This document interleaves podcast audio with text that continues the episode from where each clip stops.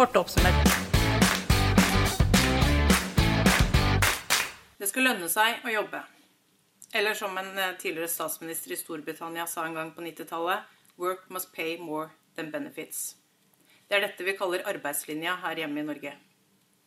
Problemet er at det er skapt en slags mistillit mot eh, folk som eh, er avhengige av ytelser fra Nav, enten de er sykmeldte, uføre eller arbeidsledige. Det er skapt et slags Eller også politikerne har gjennom retorikk for å skjule sin eh, urettferdige og usosiale politikk skapt et bilde av at eh, mennesker som er avhengig av ytelser fra Nav, er arbeidssky. Eh, og at de egentlig ikke vil jobbe. Men nå er det jo også sånn at du blir ikke noe friskere av å få det verre. Og det her viser et sånt eksempel på eh, hvordan eh, særlig regjeringa er med på å rasere velferdsstaten. De setter mennesker opp mot hverandre, og de svake i samfunnet blir gjort til syndebukk.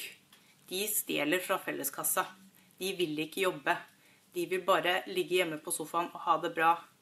Dette har vi i Rødt lyst til å ta et oppgjør med. Man skal få hjelp når man trenger det i vanskelige tider. Dette var arbeidslinja, kort oppsummert.